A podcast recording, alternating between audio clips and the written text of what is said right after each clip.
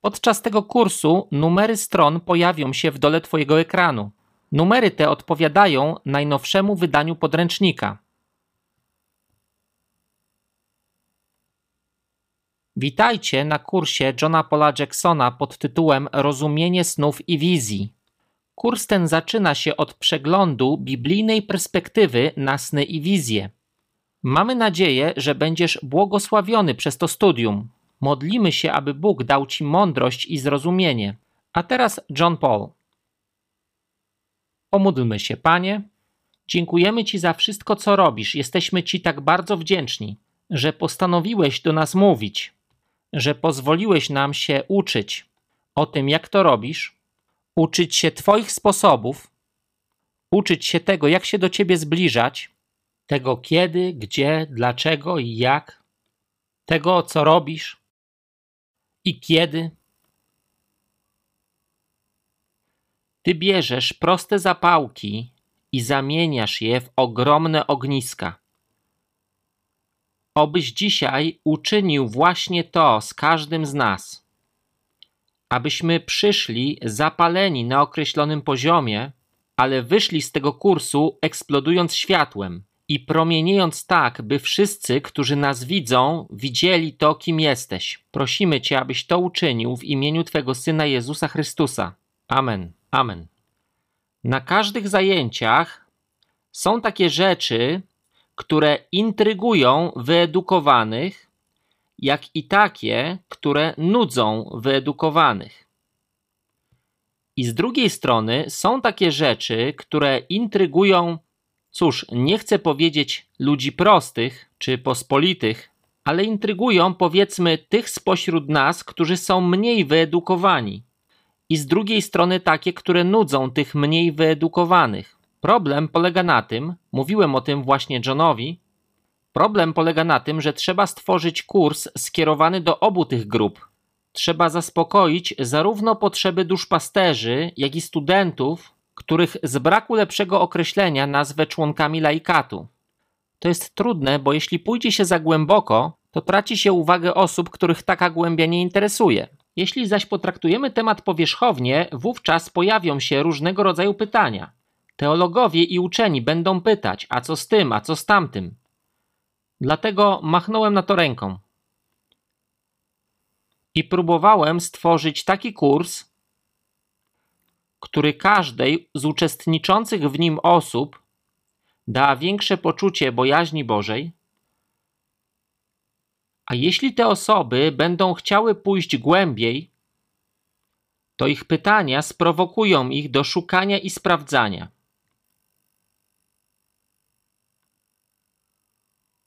Moim celem jest coś takiego. Jak wspomniałem zeszłego wieczoru, piszę sennik. Dedykuję go moim wnukom. Ale nie mówcie im o tym. Mogę to otwarcie powiedzieć, bo nie będą słuchały tej płyty i nie usłyszą tego, że to mówię. Ale piszę go z nadzieją, że moje wnuki, jak i inne osoby, słuchające mojego nauczania na ten temat, użyją tego jako punktu wyjścia do uzyskania głębszego zrozumienia. Nie piszę sennika i tego kursu również nie napisałem po to, by stanowił poster z napisem Wiem na ten temat wszystko. Słuchajcie mnie, a wtedy wy też będziecie wszystko wiedzieć. Napisałem ten kurs, ponieważ wszystko, co przeczytałem w sennikach, zarówno dostępnych na rynku, jak i w kościele, wszystko, co w nich przeczytałem,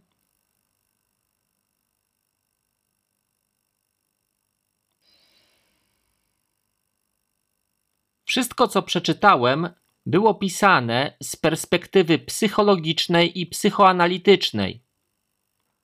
Później szerzej to omówię, lecz ważne jest, żebyśmy nie szli tym torem, ponieważ na tej drodze w dziedzinie psychoanalizy, szczególnie gdy chodzi o interpretację snów, w końcu dochodzi się do tego, że stajesz się swoim własnym zbawieniem.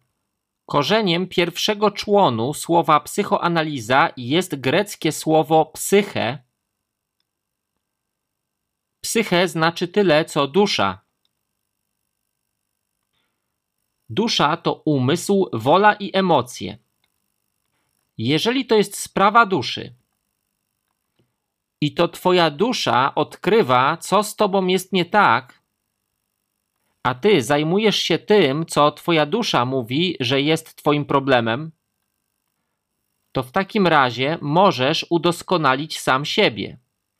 A jeżeli sam siebie jesteś w stanie udoskonalić, to nie potrzebujesz Jezusa, który przyszedł i umarł za ciebie, bo nie potrafiłeś sam osiągnąć doskonałości. Czy to ma dla was sens? Nie mogłem znaleźć na rynku nic sensownego, a wszystkie książki chrześcijańskie na ten temat, przykro mi to mówić, przyjmowały ten model, nawet go nie znając.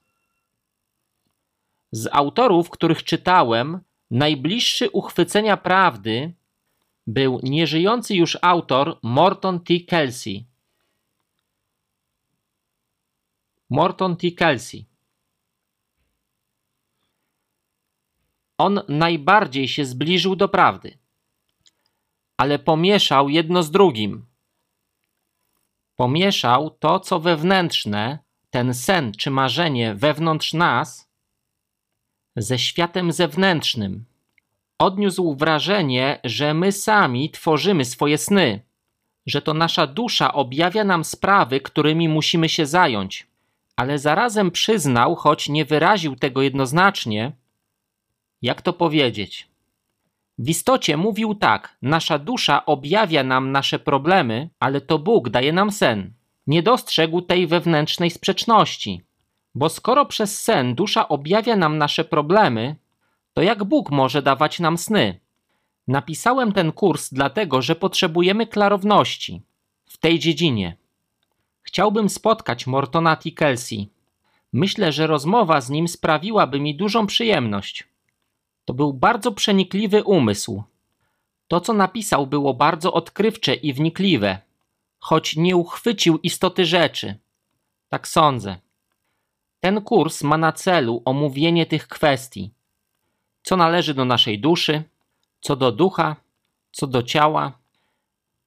Będziemy się dzielić naszym duchowym wejrzeniem. Proszę włączyć timer.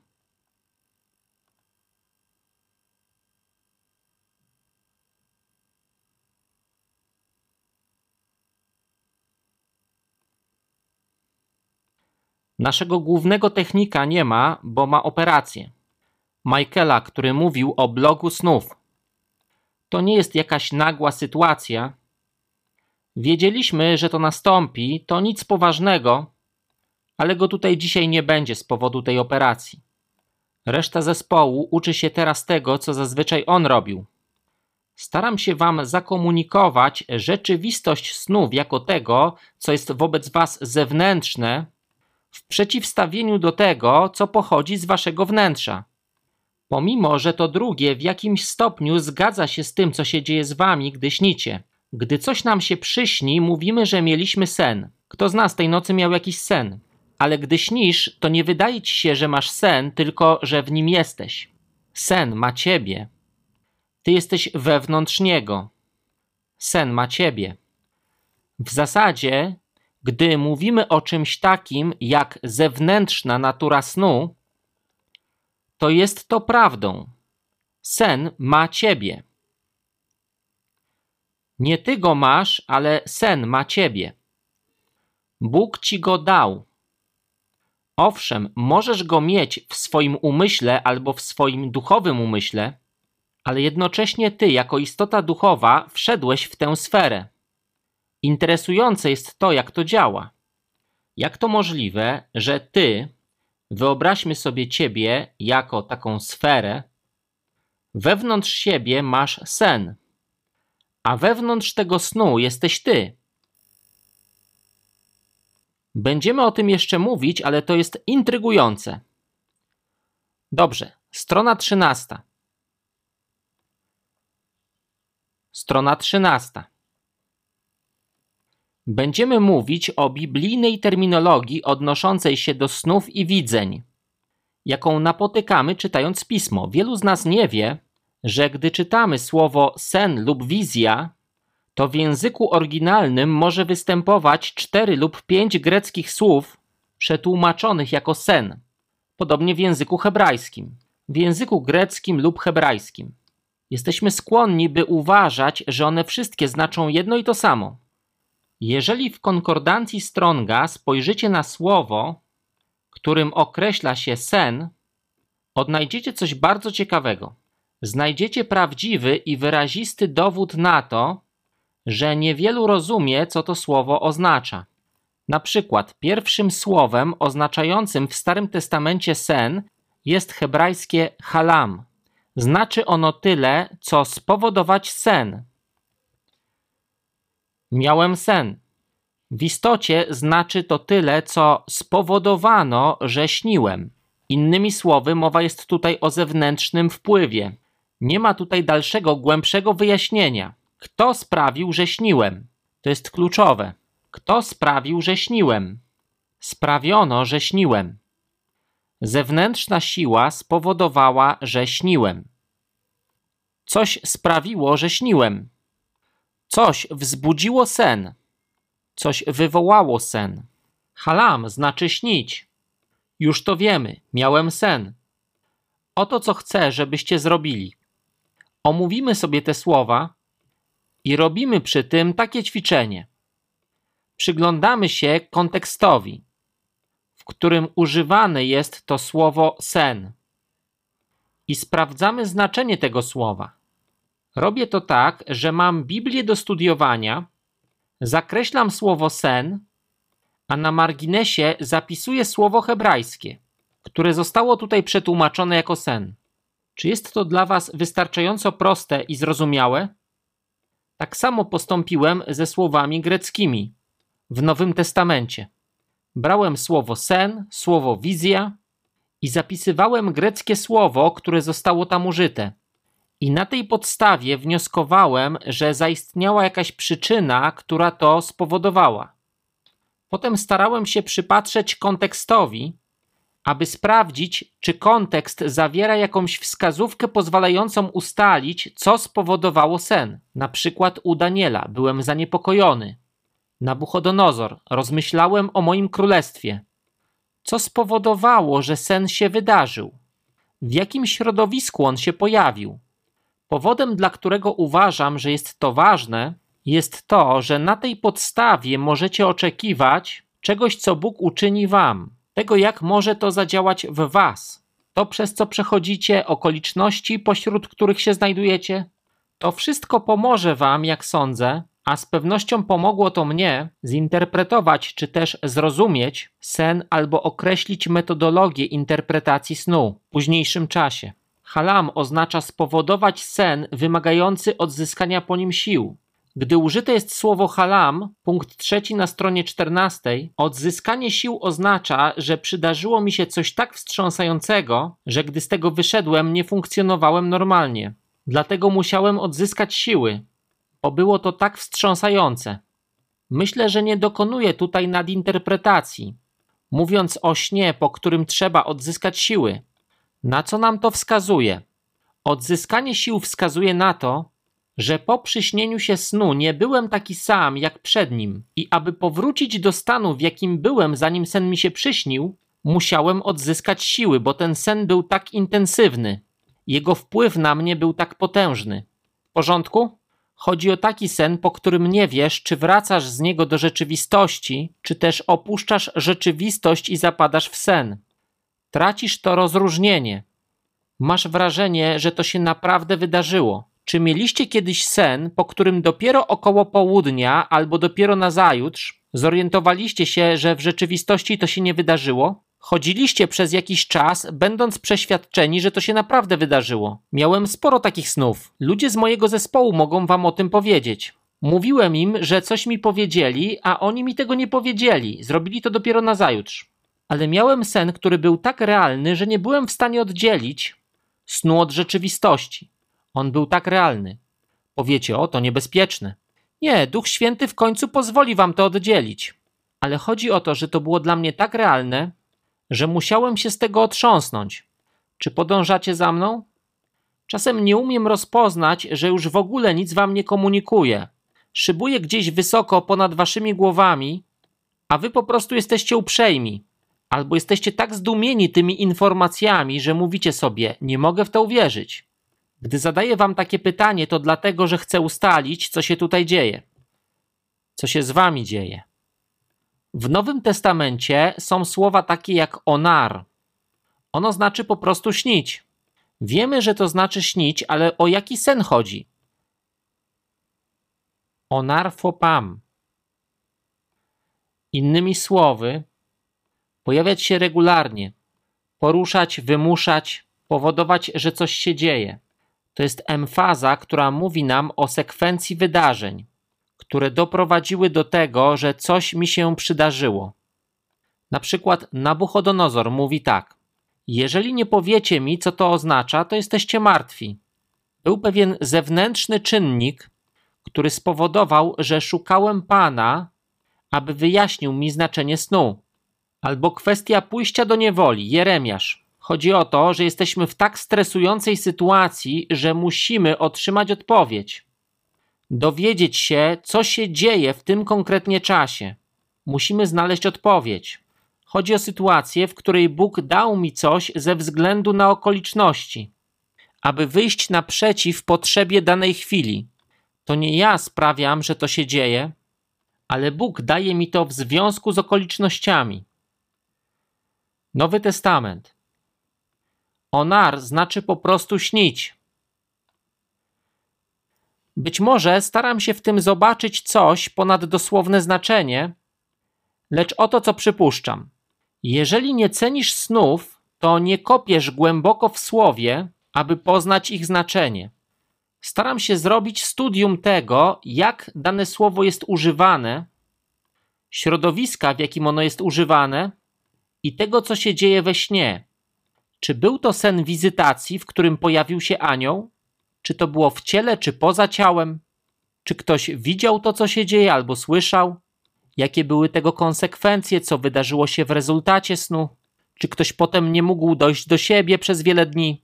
Czy ktoś został przeniesiony jak Ezechiel do wygnańców nad rzekę Kebar? On został przeniesiony wiele setek kilometrów dalej i siedem dni zajęło mu pozbieranie się po tym wszystkim. Zatem patrząc na to, jakie były okoliczności, co tam się działo, gdzie się znajdował, gdy to się wydarzyło, co miało się wydarzyć. Na przykład Józef miał zabrać Jezusa i Marię z powrotem do Izraela, ale anioł mu się ukazał i powiedział: Zatrzymaj się, jeszcze tego nie rób. Idź inną drogą. A potem powiedział mu: Tak, teraz możesz wracać, bo ci, którzy nastawali na jego życie, już nie żyją. Tego typu sprawy. Jakie było znaczenie tej wizytacji? Chcę Wam powiedzieć tylko tyle, że są najróżniejsze sposoby, w jakie ludzie otrzymują sny i różne cele, dla których sny są im dawane. Im więcej z tych sposobów zrozumiecie, tym lepsi będziecie w interpretacji snów. Studiuj swój dar. Będę to Wam często powtarzał. Studiuj swój dar. Niektóre spośród celów, dla jakich otrzymujemy sny, są następujące: po to, by powstrzymać nas od zła. 20 rozdział Księgi Rodzaju. Jest tam mowa o Abrahamie i o powstrzymaniu pewnego zła. Dla objawienia Bożej woli. Księga Rodzaju, rozdział 28. Aby nas zachęcić, sędziów 7 aby objawić przyszłość rodzaju 37, aby pouczyć Mateusza 1, poinstruować, jak coś należy zrobić, którędy pójść jak znaleźć to, co potrzebujesz znaleźć. Sny nie są czymś tak nieskomplikowanym od miałem sen. Jeżeli nadal tak będziemy do nich podchodzić, to nigdy nie otrzymamy pełni zrozumienia, jakie jest konieczne, aby w pełni zrozumieć świat niewidzialny. Dla mnie świat niewidzialny jest ważniejszy niż świat widzialny. Dlaczego to mówię? Dlatego, że świat niewidzialny jest nadrzędny względem świata widzialnego. Jest wieczny w swej naturze. Trwa na wieki, zaś Bóg istnieje od wieków na wieki. Myślę, że trzeba rozróżnić między wiecznotrwałym a wiekuistym. Tylko Bóg jest wiekuisty, Aniołowie zaś są wiecznotrwali. Zostali stworzeni i istnieją na wieki. Bóg nie został stworzony, istnieje od zawsze. On zawsze był i zawsze jest.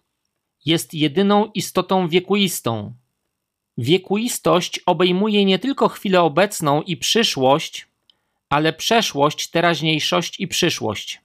Aniołowie są częścią stworzenia, która nie ma tej części przeszłej. My, zanim zostaliśmy stworzeni, też nie mieliśmy przeszłości. Bez względu na to, czy w chwili poczęcia zostaliśmy stworzeni jako duch, dusza i ciało, czy też w chwili poczęcia duch został tchnięty w ciało, uznajcie jak uważacie, ja nie będę się tutaj spierał. Lecz tak czy inaczej zostaliśmy stworzeni w pewnej chwili, a to znaczy, że nie jesteśmy wiekuiści. Dlatego uważam, że jest ważną rzeczą, abyśmy nie pozwalali na zatarcie granic pomiędzy nami a Bogiem. Niektóre nowsze wersje Biblii, nowsze tłumaczenia, na przykład w Jana 3,16, gdzie jest mowa o tym, że Bóg dał syna, abyśmy mieli życie wieczne, zastępują słowo wiecznotrwałe słowem wiekuiste. To jest zatarcie linii. W ten sposób zaciera się granice między Bogiem a ludzkością. Mówi się, teraz stałeś się wiekuisty w swej naturze, jak Bóg, który taki właśnie jest w swej naturze. Cóż, nie, stałeś się jak aniołowie. Tak powiedział Jezus. Ale nie stałeś się wiekuisty. Wiekuistość zawiera w sobie naturę Boga jako bytu niestworzonego. Myślę, że w naszej kulturze obecnie zbyt często zacieramy granice. Musimy je wyraźnie zarysować i zrozumieć, co one oznaczają. Starotestamentowa perspektywa historyczna. Księga Hioba, rozdział 33, zawiera ogólną żydowską opinię na temat snów. Bo Bóg mówi w taki albo w inny sposób, a jednak człowiek tego nie dostrzega. We śnie, w widzeniu nocnym, gdy ogarnia ludzi głęboki sen, gdy drzemią na swych łożach, on otwiera uszy i umysły ludzkie, zapieczętowując je pouczeniem aby odwieść człowieka od złego czynu i uchronić męża od pychy. Zachowuje jego duszę od dołu zagłady, a jego życie od ciosu miecza. Co tutaj widzimy? Po pierwsze, to, że Bóg może mówić. Tam nie jest napisane: Moja dusza odkryła, co z nią nie tak. Dusza nie odkryła, co nastąpi w przyszłości. To Bóg przemówił. Czyniąc to, otwiera ludziom uszy. Niektóre wersje pisma mówią, otwiera im umysły. Zapieczętowuje je nauką. Dlaczego je zapieczętowuje? Słowo zapieczętować znaczy tyle, co umieścić coś w kopercie, tak abyś nie mógł tego zobaczyć. Zapieczętowanie oznacza w innym sensie również gwarancję, że coś się wydarzy jak pieczęć królewska. Gdy król przystawiał sygnet z pieczęcią, znaczyło to tyle. Widzicie tę pieczęć? Cokolwiek jest w opieczętowanym nią dokumencie, to się wydarzy. Zatem z jednej strony Bóg nas poucza, że coś się wydarzy, a z drugiej strony Bóg czasem nie pozwala nam zapamiętać snu. Dlaczego? Aby zachować nas od pychy. Bo gdybyśmy zapamiętali to, co nam powiedział, chodzilibyśmy z zadartym nosem, przechwalając się, jak Józef. Hej, wszystkie gwiazdy mi się pokłonią. Nie tylko wy mi się pokłonicie, ale gwiazdy mi się pokłonią. Czy to nie jest wspaniałe? Pycha. Pycha. Tak więc Bóg czyni coś takiego. Powiecie, a dlaczego dał te sny Józefowi? Abyśmy mieli ilustrację tego, jak działa pycha. Potrzebowaliśmy zobaczyć tę ilustrację. I abyśmy zdali sobie sprawę z tego, jak Bóg zmienił Józefa, poczynając od tego, którym był, aż do tego, kim się stał. Będziemy o tym jeszcze mówić, omawiając niektóre sny biblijne. Bóg strzeże ludzi przed pychą, może coś zapieczętować, aby zachować ludzi przed pychą. A potem czytamy coś bardzo interesującego. Zachowuje jego duszę przed dołem zagłady. Innymi słowy, Bóg w swojej wszechwiedzy Widzi dół, jaki znajduje się przed człowiekiem na jego drodze, pułapkę zastawioną przez nieprzyjaciela i daje ci sen, aby pomóc ci uniknąć pułapki. Pycha wynika z zadania, oto co mam zrobić. A ostrzeżenie przed dołem oznacza, że Bóg chce cię ochronić przed czymś, czego nie chciałbyś robić. Józefowi mieli się pokłonić jego bracia. Dlaczego Bóg nie dał mu snu o tym, że bracia wrzucą go do dołu? Dlatego, że zdobycie uwagi Józefa wymagało, aby wpadł on w dół.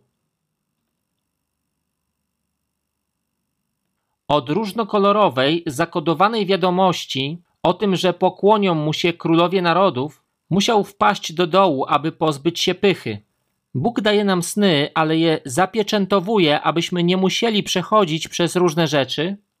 Ukrywa to, co będziemy robić. A potem daje nam sen, który mówi: A tak przy okazji, nie rób jutro tej rzeczy. Albo strzeż się tego człowieka, który stanie ci na drodze. Uważaj na tym skrzyżowaniu. Tego typu rzeczy. Miałem sny tego rodzaju. Pewnej niedzieli miałem z żoną jechać w pewne miejsce, aby tam przemawiać. To było w Kalifornii. Gdy wybieraliśmy się, aby tam przemawiać, do Lancaster, jechało się tam dwie godziny, ale tamtego ranka miałem sen. We śnie biały pojazd zbliżył się do nas z tyłu z rykiem silnika. Nagle jego kierowca stracił kontrolę, pojazd zaczął wirować, uderzył w barierę i wrócił na drogę, a ja musiałem zjechać z drogi poza jezdnię autostrady, aby w niego nie uderzyć. Opowiedziałem ten sen mojej żonie i powiedziałem: Lepiej, jeżeli będziemy uważać, bo może wydarzyć się wypadek. Nieprzyjaciel chce nas dziś zaatakować przez wypadek. Gdy byliśmy w drodze, to oczywiście z rykiem zbliżyła się do nas z tyłu biała Toyota pickup. Wcześniej padało. Na drodze była ogromna kałuża, wielka jak basen. On w nią wjechał z impetem, i uderzył w murek z boku autostrady. Zaczął się obracać i wrócił na nasz pas, ale my w tym czasie zjeżdżaliśmy już na bok, bo gdy tylko zobaczyłem go w lusterku, powiedziałem: To jest to. On zjechał na nasz pas, ale gdy znalazł się na suchym podłożu, ponownie uderzył w betonową barierkę na środku. A ja w tym czasie wciąż zjeżdżałem, bo wiedziałem, że mam się zatrzymać w określonym miejscu na poboczu i że nic mi się nie stanie. Gdy tylko zobaczyłem, że to się dzieje, od razu zacząłem zmieniać pasy. Patrząc w lusterko, zmieniałem pasy, aby tego uniknąć. Były tam cztery pasy ruchu, on pięć razy uderzył w betonową barierkę na środku, aż w końcu zatrzymał się jakieś 140 metrów przed nami. Bo my uprzednio zwolniliśmy. Zatrzymał się na pasie najbliższym środka. Poszliśmy sprawdzić, czy z kierowcą wszystko jest w porządku. Kolejne samochody zatrzymywały się. A potem pojechaliśmy tam, gdzie mieliśmy przemawiać. Gdyby nie ten sen, miałbym wypadek. Ale ponieważ miałem sen, byłem przygotowany na dół, który wykopał nieprzyjaciel. On chciał, żeby przydarzył się nam wypadek chciał uniemożliwić nam dotarcie do Lancaster, aby tam przemawiać tamtego ranka. O tym właśnie mówimy. Szatan zastawia na was pułapki, wykopuje doły. Robi to przez ludzi, przez okoliczności, przez sytuacje. W pracy, w sferze zatrudnienia, w sferze finansowej. Przez różne rzeczy zastawia na was pułapki. A Bóg daje ci sen, aby zachować cię przed tym dołem, przed tą pułapką. Dobrze, Sny są jednym z najprostszych sposobów, jakich Bóg używa, aby się z nami komunikować. Pomimo, że ludzkość ogólnie nie rozumie logiki czy też racjonalności snów. Problemem jest arystotelejski sposób myślenia, sięgający korzeniami starożytnej Grecji. Arystoteles powiedział coś takiego: Jeśli coś nie jest logiczne i namacalne, to jest to bez znaczenia dla naszego życia. To znaczy, nie będę zwracał na to uwagi, nie wierzę w to, nie będę tego studiował, nic z tym nie będę robił, ponieważ to jest bez znaczenia. Będę robił tylko to, co ma znaczenie dla naszej egzystencji. Sny nie są logiczne, sny nie są namacalne, ale jak się dowiemy, żyjemy w wymiarze duchowym, który jest nadrzędny wobec wymiaru doczesnego, w którym żyjemy. To ciało jest doczesne. W świetle wieczności, czy nawet wiecznego trwania naszej egzystencji, cały czas jest dość ograniczony. To coś naprawdę małego. Czy masz stary notatnik Streams of Shiloh? April, czy to jest to? Stary notatnik Streams of Shiloh razem z treścią skryptu? Ojej. Treść skryptu napisałem chyba w 1992. Jak to zdobyłaś? Ode mnie?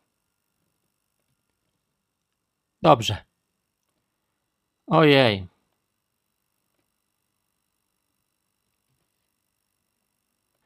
Jaka tam jest nota copyrightowa? Czy tam na dole jest nota copyrightowa? To dowodzi, że ja to wtedy napisałem. Streams of Shiloh. Czy tam jest prorok, dar proroczy, dar proroka? Taka kolorowa lista? Zobaczymy. Przepraszam was na chwilę. To wielka rzadkość. O tak, tutaj prorocza historia, zdolności interpretacyjne, dalej zdolności interpretacyjne, to jest antyk. Trzymaj to, mamy to na liście lektur.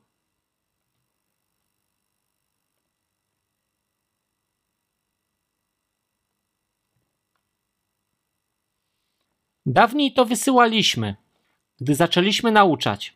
Wysyłałem trzy segregatory papieru. Wtedy to się nazywało Streams of Shiloh. Teraz to jest Streams Ministry, wtedy to było Streams of Shiloh. Wtedy to wysyłałem i mieliśmy tematy, takie jak prorocza historia.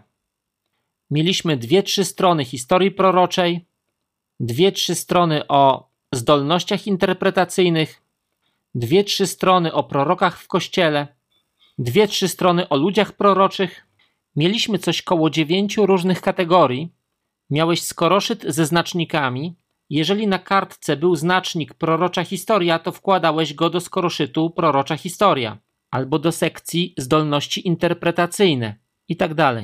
Co jakiś czas spotykam ludzi, którzy mają te notatki. Przyniosłaś ze sobą cały kurs. To przerażające.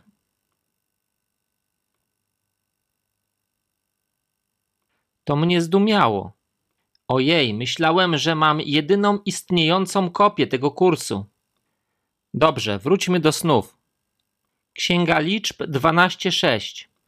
Pan mówi tak: Słuchajcie moich słów. Jeżeli jest u was prorok Pana, to ja, Pan, objawiam mu się w widzeniu. Przemawiam do niego w snach. Objawiam mu się w widzeniu, przemawiam do niego w snach. Znajdujemy tu coś takiego. Bóg wskazuje nam, co czyni w widzeniach i co czyni w snach. W tym jednym stwierdzeniu.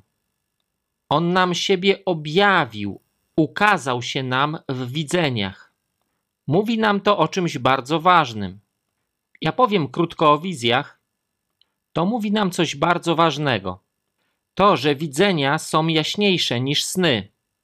To jest pierwsza wskazówka, jaką mamy, że istnieje różnica między jednym a drugim. Widzenia są jaśniejsze, bardziej zrozumiałe niż sny. Przemówię do niego we śnie, poprzez sen. Jezus mówił w przypowieściach, a uczniowie zapytali go: Dlaczego mówisz do nas w przypowieściach? Powiedział: Macie oczy, aby widzieć. Wam dane zostało poznać tajemnicę królestwa, zrozumieć tajemnicę królestwa, ale im nie zostało to dane bo macie oczy, które widzą i uszy, które słyszą. Dlatego mówię do was w sposób, który rozumiecie. Ale to jest zakryte, zasnute zasłoną, metaforyczne. Używam symboli, które coś oznaczają. W tym konkretnym przypadku, o którym tutaj mówimy, symbolem było ziarno posiane na drodze. Ziarno, które zostało zjedzone przez ptaki. Ziarno posiane między ciernie oznaczające troski tego świata, które je zagłuszyły. Ziarno posiane na ziemię kamienistą, które uschło, bo nie miało korzenia.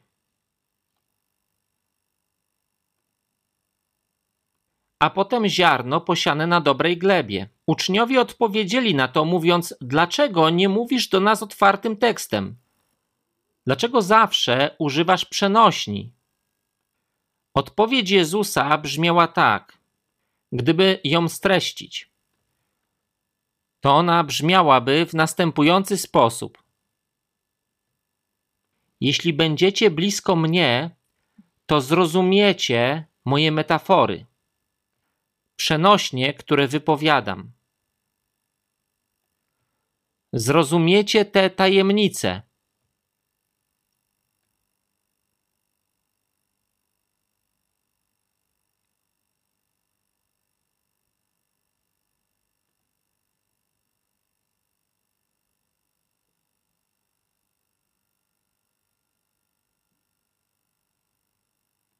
Gdy Pan przemówił do Miriam i Aarona, przemawiam do proroka.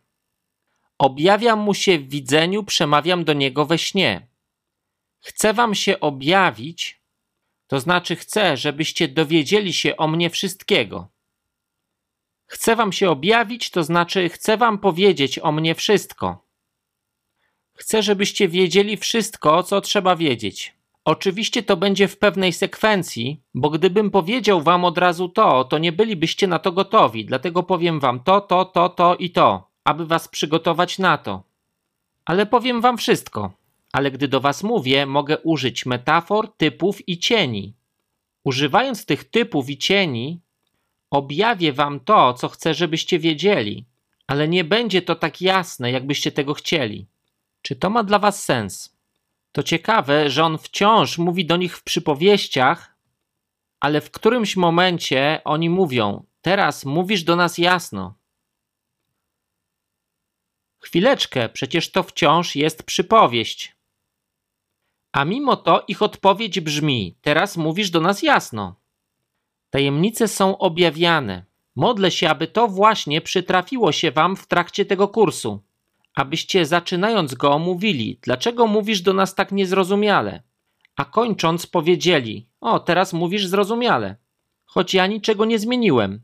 Podobnie jak Jezus nie zmienił niczego z tego, co mówił, nawet sposobu, w jaki to mówił, ale ich oczy się otworzyły na to, co było mówione. Gdy czytacie Biblię, pytajcie, dlaczego to, a nie tamto. Boże, co to oznacza? Gdy zaczniecie to łapać, sny staną się łatwe do zrozumienia.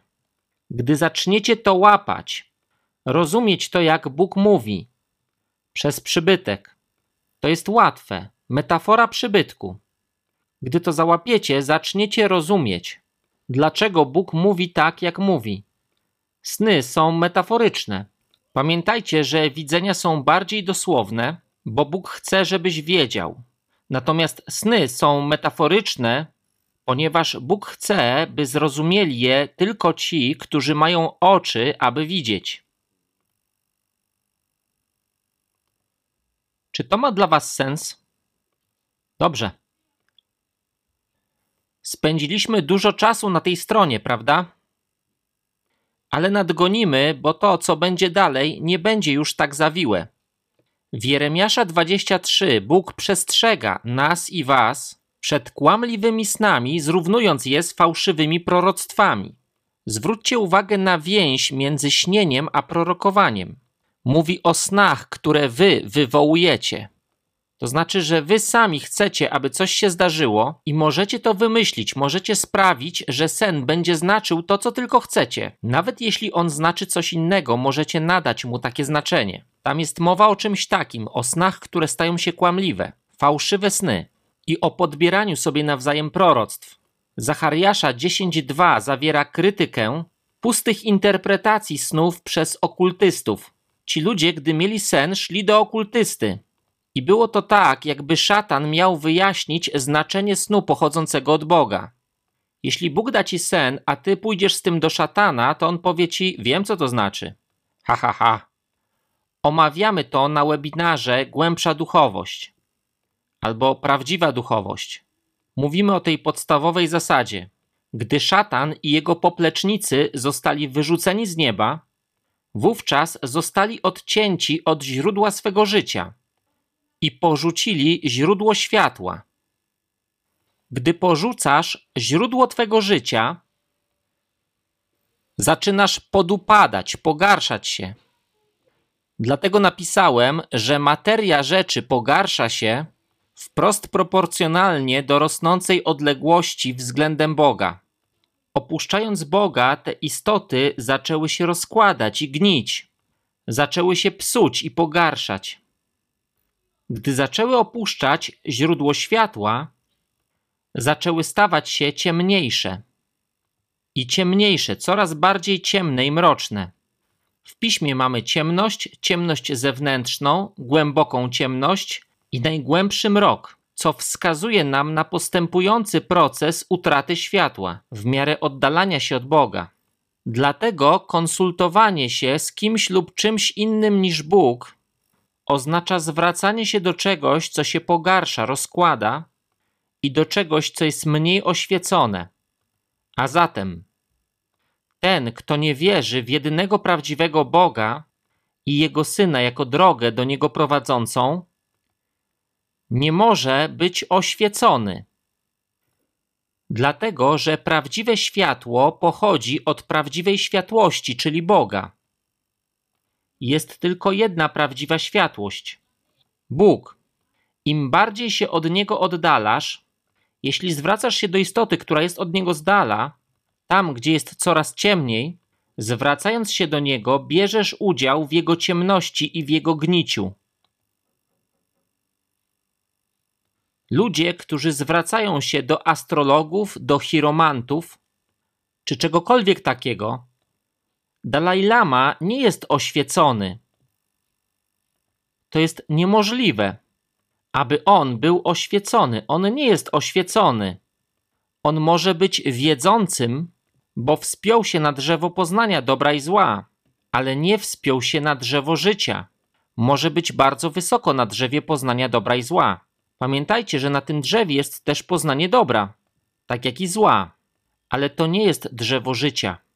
Wiedza nie równa się światłu Bożemu. Nieprzyjaciel zawsze stara się nauczać, że to wiedza jest drogą do Boga. A nie poznanie Boga. Wiedza jest drogą do Boga. Drzewo poznania dobra i zła, poznanie jest drogą do Boga. W drzewie życia to duch jest drogą do Boga. Duch nie oznacza, że nie ma tutaj miejsca na wiedzę czy też poznanie. Duch oznacza, że podłączasz się do banku wiedzy całego wszechświata. I więcej niż to.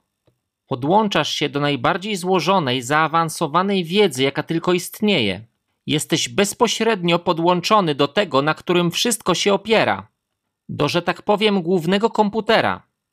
A zatem nie musisz sam nabywać wiedzy. Podłączasz się do głównego komputera, który przyśle ci wszelką wiedzę, jakiej tylko potrzebujesz, w chwili, gdy będziesz jej potrzebował. Właśnie dlatego Jezus powiedział: Gdy staniecie przed królami i dostojnikami, nie troszczcie się o to, co będziecie mówić, bo duch wam to da to przewód Ethernetu do głównego komputera. Jesteś połączony.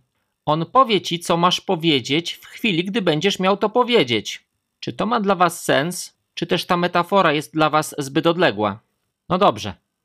W tym całym zrozumieniu, gdy mówimy o snach i gdy będziemy mówić o ciemnych snach, pamiętajcie o tym, co powiedziałem, bo mówimy tutaj o istotach gorzej oświeconych, Dlatego te sny są ciemniejsze.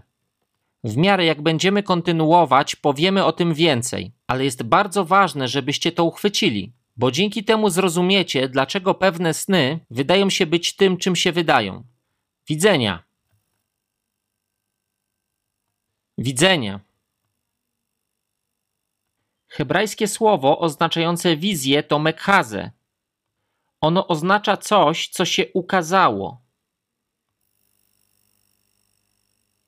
to ukazanie się może być takie jak na ekranie wideo, ale może też oznaczać ukazanie się czegoś bezpośrednio przed tobą w postaci podobnej do hologramu.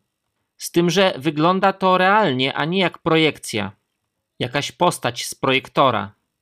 Realna duchowa istota, która ci się ukazuje. Haza oznacza objawienie, przewidywanie przyszłości. Widziałem coś co się jeszcze nie wydarzyło, co się dopiero wydarzy. Hizajon, objawienie w szczególności przez proroczy sen. Śniło mi się coś, co się ma wydarzyć. Przypatrzcie się kontekstowi, w jakim słowo jest używane. Gorąco Was do tego zachęcam. Sięgnijcie do Waszych Biblii. Weźcie Biblię do studiowania, po której będziecie mogli mazać. Zakreślcie słowo wizja. Zapiszcie hebrajskie słowo, jakie zostało tam użyte. Przypatrzcie się kontekstowi, w jakim ono pada, abyście wiedzieli, dlaczego użyto właśnie tego hebrajskiego słowa. Dlaczego użyto hizajon zamiast mara. Gdy patrzymy na słowo mora, widzimy pojawienie się jakiegoś obrazu. Za każdym razem, gdy używane jest to słowo, odnosi się ono do istoty, która świeci, promienieje. Przypatrywanie się kontekstowi pomoże Wam zrozumieć, z jakiego rodzaju hebrajskim słowem macie do czynienia. Gdy ujrzysz jaśniejącą istotę, będzie to oznaczało, że doświadczasz tego, co pismo nazywa Mara. A jeśli przyśni ci się sen o przyszłości, to będzie Chizajon. Ważne jest, żebyś studiował swój dar. Pomoże ci to zrozumieć biblijne zasady, jakie się z tym wiążą. Lepiej niż gdybyś znał tylko jedno słowo wizja. Rała widzieć, spoglądać, patrzeć na coś. Rae widzenie. Sprawdź, czy to czasownik, czy rzeczownik, studiuj swój dar. Nowy Testament, optasia, ukazanie się, widzenie, wizja. Chorama, coś oglądanego. Wizja, coś, co jest widziane. Horasis, akt widzenia, wizja, ukazanie się. Kontekst pomoże Wam zrozumieć. Zostawiliśmy tutaj miejsce, gdy będziecie to studiować, być może będziecie chcieli zajrzeć do Biblii i coś zapisać, na przykład poszukać w drugiej księdze kronik słowa Ra. Druga kronik 26:5. Ale to nie jedyne miejsce, w którym to słowo się pojawia. Ono tutaj pojawia się po raz ósmy. Weźcie konkordancję Stronga albo Yanga, albo jakąś nowszą i wypiszcie sobie. Ra jest użyte w księdze rodzaju 5.9, a potem tu, tu, tu i tu.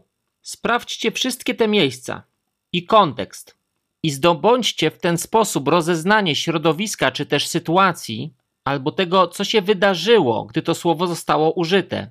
I zapiszcie to w tym miejscu. Zostawiliśmy wam tam miejsce na wasze osobiste studium Pisma Świętego. Strona 18. Wizja. W Starym Testamencie jest ona zasadniczo definiowana jako postrzeganie albo prorocza duchowa świadomość, pozwalająca wiedzieć bądź doświadczać, powtórzonego prawa 11. W Nowym Testamencie odnosi się do widzenia bądź spostrzegania, dzieje 16:9. Jest tam mowa o widzeniu czegoś we śnie, duchowe spostrzeganie, duchowa percepcja, widzenie rozumiane jako objawienie od Boga, wybrane cechy charakterystyczne wizji, Boża chwała, doświadczenie Bożej chwały. Ta Boża chwała wywiera na ciebie wpływ. W niektórych przypadkach ludzie uciekali. Ezechiela 8. Kolejny przypadek ukazania się Bożej chwały. Osobiste doznania, jakie temu towarzyszą. Daniela 10. Proroczy charakter. Chodzi o widzenie jutra, tego co dopiero ma się wydarzyć. Powodowanie drżenia i przerażenia Doświadczył tego Daniel w księdze Daniela 7, wersety od 7 do 17. Świadectwo czasów mesjańskich. Joela 2:28. Dzieje 17. Podajemy wam tu zaledwie parę wersetów, ale moglibyśmy ich podać bardzo dużo. Mogłyby zająć całą stronę. Ale nie o to nam chodzi. Chodzi nam o to, żebyście to studiowali, abyście to zobaczyli. Chcemy dać wam podstawy zrozumienia a tym z Was, którzy będą chcieli pójść głębiej, dać kontekst, który im na to pozwoli. W Nowym Testamencie sny i wizje ukazane są jako Boże objawienie. Sny otaczały przyjście Jezusa niczym bransoleta, albo brały je w nawias, przepowiedziały Jego przyjście i mówiły o Jego odejściu. Proroctwa Starego Testamentu wypełniły się w Nowym.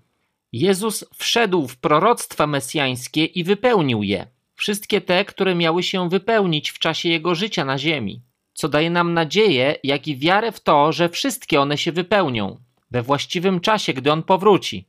Ciąża Marii została wyjaśniona Józefowi we śnie. Mędrców ostrzeżono we śnie, by nie wracali do Heroda. Józef został pouczony, by zabrać swą rodzinę i uciekać do Egiptu, Mateusza 2. Powiedziano mu, żeby wrócił do Izraela, Mateusza 2,19. Żona Piłata miała sen w którym Bóg ostrzegał Piłata, aby nie czynił krzywdy temu człowiekowi, w przeciwnym bowiem razie będzie z nim źle.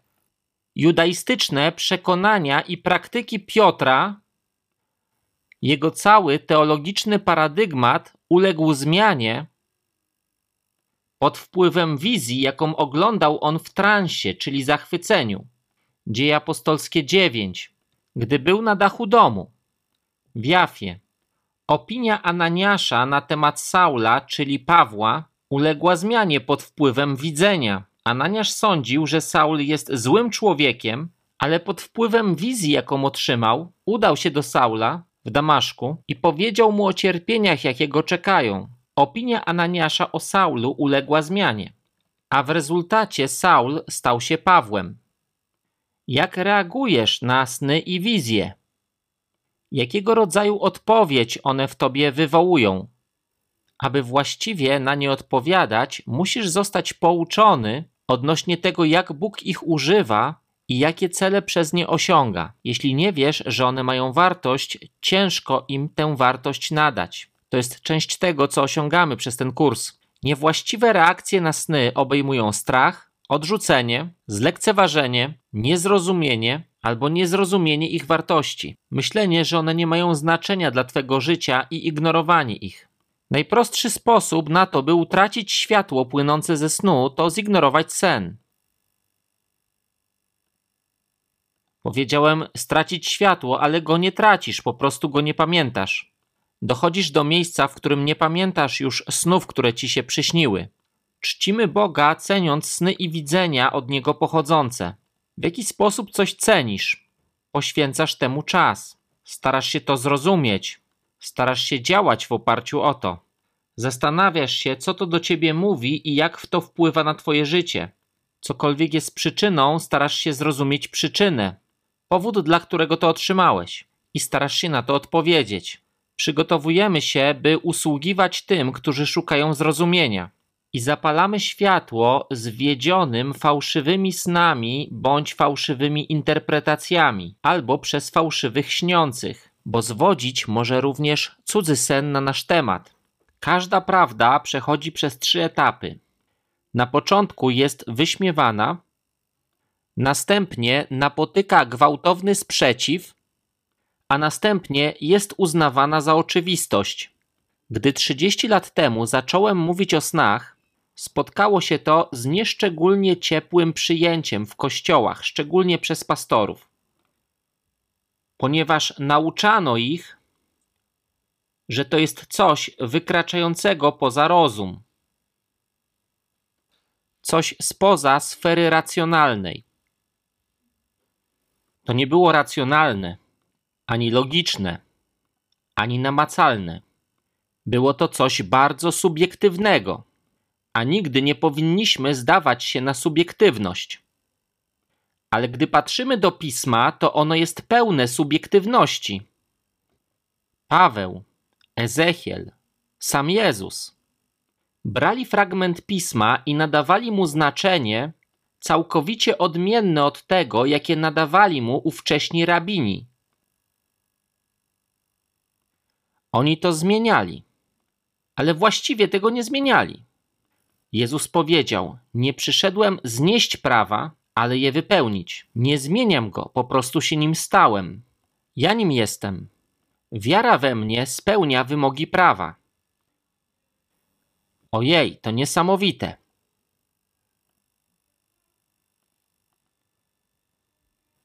A teraz zdumiewa mnie liczba snów, jakie otrzymuję od pastorów, którzy czasem nie chcą podać mi swojego imienia. Ktoś taki mówi: Czy będzie w porządku, jeśli nie powiem ci, jak się nazywam? Bo jestem pastorem dużego kościoła, a my w to nie wierzymy. Wolałbym, żeby tak zostało. Nie znam cię zbyt dobrze, wiem, że interpretujesz sny. Mojej żonie przyśnił się sen, albo mnie przyśnił się sen. To mnie nurtuje, nie wiem, co on oznacza. Czy możesz mi pomóc? Cały czas otrzymuję takie wiadomości. Pastorzy piszą do mnie e-maile. Telewizja Daystar cały czas przesyła mi takie wiadomości od pastorów. Przekażcie to proszę Johnowi Paulowi Jacksonowi i nie mówcie mu, kim jestem. Otrzymuję takie wiadomości od Markusa i Johnny, John Paul, czy mógłbyś to zinterpretować? Nie mogę ci powiedzieć, kto to przysłał. To jest człowiek, który nie wierzy w sny. Ale to dość zabawne, fajnie się to robi. Dobrze, wizje, wprowadzenie do wizji. Kocham wizje. One są niesamowite. Czasami doświadczenia, o których myślimy, że są snami, są w rzeczywistości wizjami, gdy jasno się je zdefiniuje. W Starym Testamencie proroka czasem nazywano widzącym, częściowo dlatego, że objawienie przychodziło do niego w postaci wizji. Czytamy o tym w pierwszej księdze Kronik 21:9, w drugiej Kronik 2:29 i w wielu innych miejscach. W pierwszej księdze Samuela, myślę, że w rozdziale 9, Samuel nazwany jest widzącym, a nie prorokiem. I to nie oznacza, że później przestał sprawować posługę widzącego. Oznacza to tylko tyle, że Samuel miał zarówno dar widzenia przyszłości, jak i zdolność widzenia tego, co dzieje się obecnie. Widzący widzą, co się dzieje, zaś prorocy widzą to, co się wydarzy. Widzący żyją życiem metafor. Dzieje się to, ponieważ w kościele dzieje się tak i tak. Zeszło ci powietrze z opon, ponieważ duch opuścił kościół, do którego dziś rano się udajesz. Tego typu rzeczy. W pewien sposób stajesz się żywą przypowieścią. Twoje życie staje się żywą przypowieścią. Jeśli tego nie rozumiesz, może cię to wprawiać w zamęt. Dlaczego mi się to wszystko przydarza? Cóż, przydarza ci się to, bo Bóg stara się tobie powiedzieć o tym, co się dzieje, o to, co dzieje się w kościele, w życiu tej osoby, w tej rodzinie, kimkolwiek oni są. Gdy chodzi o Samuela, to widzimy, że Gad był nazywany widzącym i prorokiem, Asaf był nazywany zarówno widzącym, jak i prorokiem, Ezechiasz, czyli Hiskiasz, miał na swym dworze zarówno widzących, jak i proroków. Tak więc to nie oznacza, że widzący jako dar przeminął, ale że Samuel miał obie te zdolności. Druga kronik 9:29. Pozostałe zaś sprawy Salomona od pierwszych do ostatnich spisane są w dziejach proroka Natana i w proroctwie Achiasza z Sylo i w widzeniach widzącego Jeddo. To było jakiś czas po Samuelu. W Nowym Testamencie widzenia otrzymywali różni ludzie. Większość takich przypadków znajdujemy w Księdze Dziejów Apostolskich, chyba że weźmie się pod uwagę Księgę Objawienia. Ale ona jest jednym wielkim widzeniem. Opowieści Łukasza wizje odgrywają doniosłą rolę w narracji i nakreśleniu rysów postaci. Łukasz napisał Księgę Dziejów. Dzieje 7:31, wersety 55, 56, Dzieje 9. Możecie to przeczytać. Podczas gdy na wyspie Patmos apostoł Jan odegrał rolę widzącego, Księdze Objawienia, która jest ogromną wizją. W widzeniu ogląda się świat duchowy, odbiera się rzeczy nadprzyrodzone. I to może się przydarzyć na jawie, jak również w ciągu dnia. Często myślimy, że widzenia otrzymujemy w ciągu dnia, a sny śnią się w nocy, ale to jest nieścisłe, bo w Daniela 10:7 czytamy, że Daniel otrzymał wizję na jawie, w dziejach 9:7 czytamy o widzeniu w godzinach dziennych, dzieje 10:3 ale widzenia mogą pojawić się również w nocy, gdy śpisz. Księga Rodzaju 46:2, Księga Liczby 12, Hioba 4, Księga Daniela 4. Naturalne zmysły doświadczają niewidzialnej sfery ducha w widzeniu. Wizje wykraczają poza czas i przestrzeń. Zobaczymy to. Przykładem wyraźnej percepcji zjawisk duchowych jest Jan Chrzciciel widzący Ducha Świętego zstępującego na Jezusa w postaci gołębicy.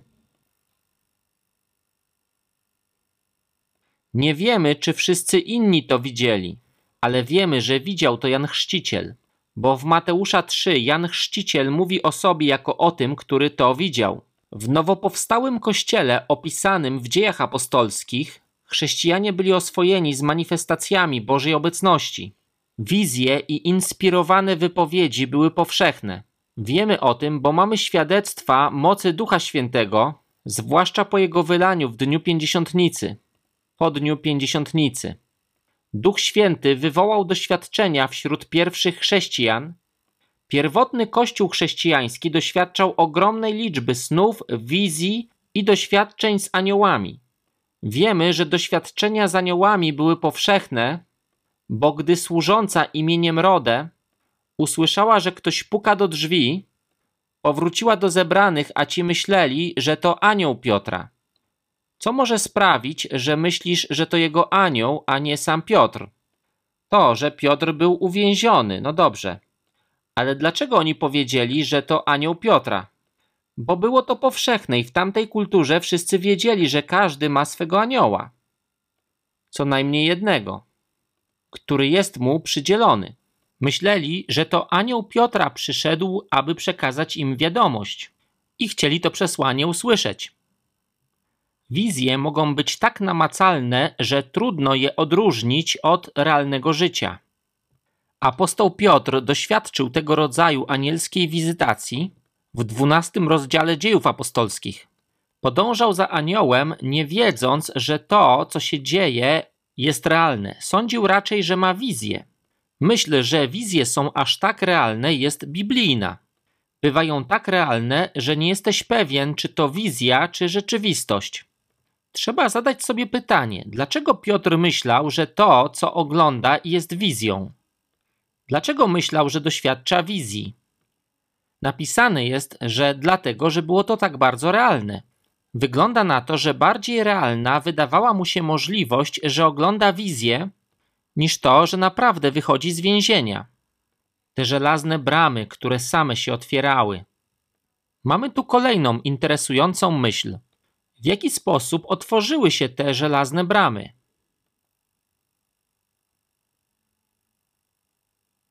Oto co myślę. Piotr widzi anioła.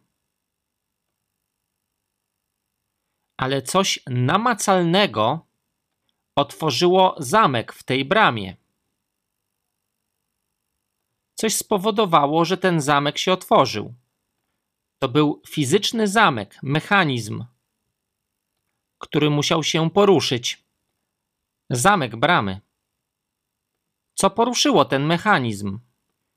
Piotr widział anioła, ale nie wiedział, co poruszyło ten zamek. Lecz było to coś wystarczająco namacalnego, aby przesunąć fizyczną część.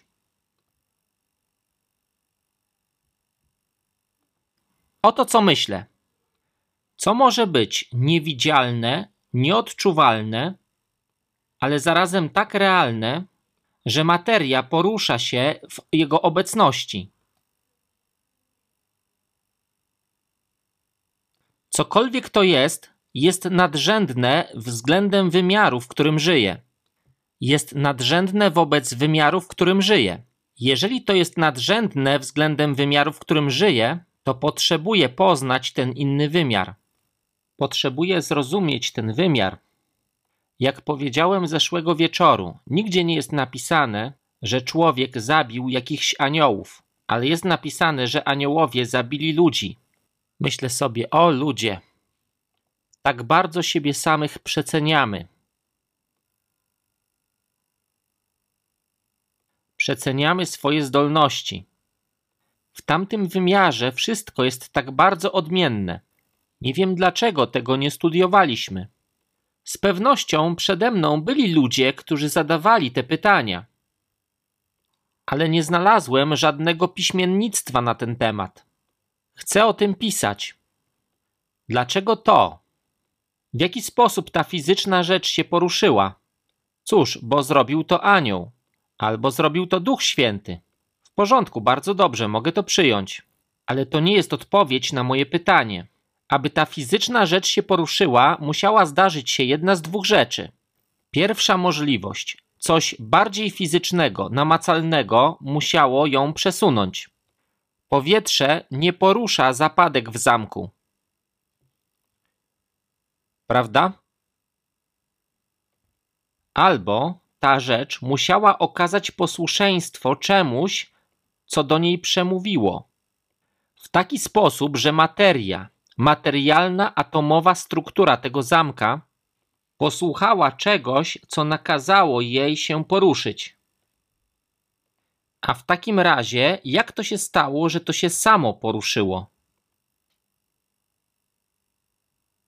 Myślę, że to się mogło samo poruszyć, jeżeli atomy, które są w nieustannym ruchu, stolik, przy którym siedzisz, filiżanka kawy, którą pijesz, one nie są statyczne, atomy nieustannie się poruszają, choć trzymają je wiązania, aby nie odleciały.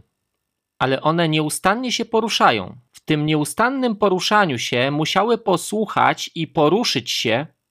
Wszystkie te atomy musiały zgodzić się. Dobrze, przesuniemy się tu. A gdy już się przesuniemy w tę pozycję, wówczas oddziała na nas grawitacja i upadniemy tu. A drzwi się otworzą. Także to, co było zamknięte na zamek, otworzy się. Ale żeby to zrobić, musimy przesunąć się, pokonując siłę grawitacji, a potem poddać się grawitacji, opadając. Czy to ma dla Was sens? Jeżeli mamy zamek taki jak to, to tkwi tutaj, aby to poruszyć, musimy pokonać grawitację. One muszą poruszyć się równocześnie. Gdy to zrobią, ta część znajdzie się w takiej pozycji. Ale teraz musimy poddać się grawitacji, aby zrobić to. Ponieważ jeśli to tak zostanie, to drzwi się nie otworzą. To musi przesunąć się w taką pozycję, aby dolny zamek wyszedł na wierzch, a drzwi się otworzyły. Czy ja za bardzo to komplikuję? To jest to, nad czym rozmyślałem, gdy to czytałem. Wow, to jest niesamowite. Ponieważ trzeba pokonać prawa fizyki, aby to się wydarzyło. Tak czy inaczej, jest coś tak namacalnego, że może to poruszać rzeczy materialne bez spostrzegania przeze mnie namacalnej natury tego czegoś. Albo te zapadki musiały okazać posłuszeństwo głosowi.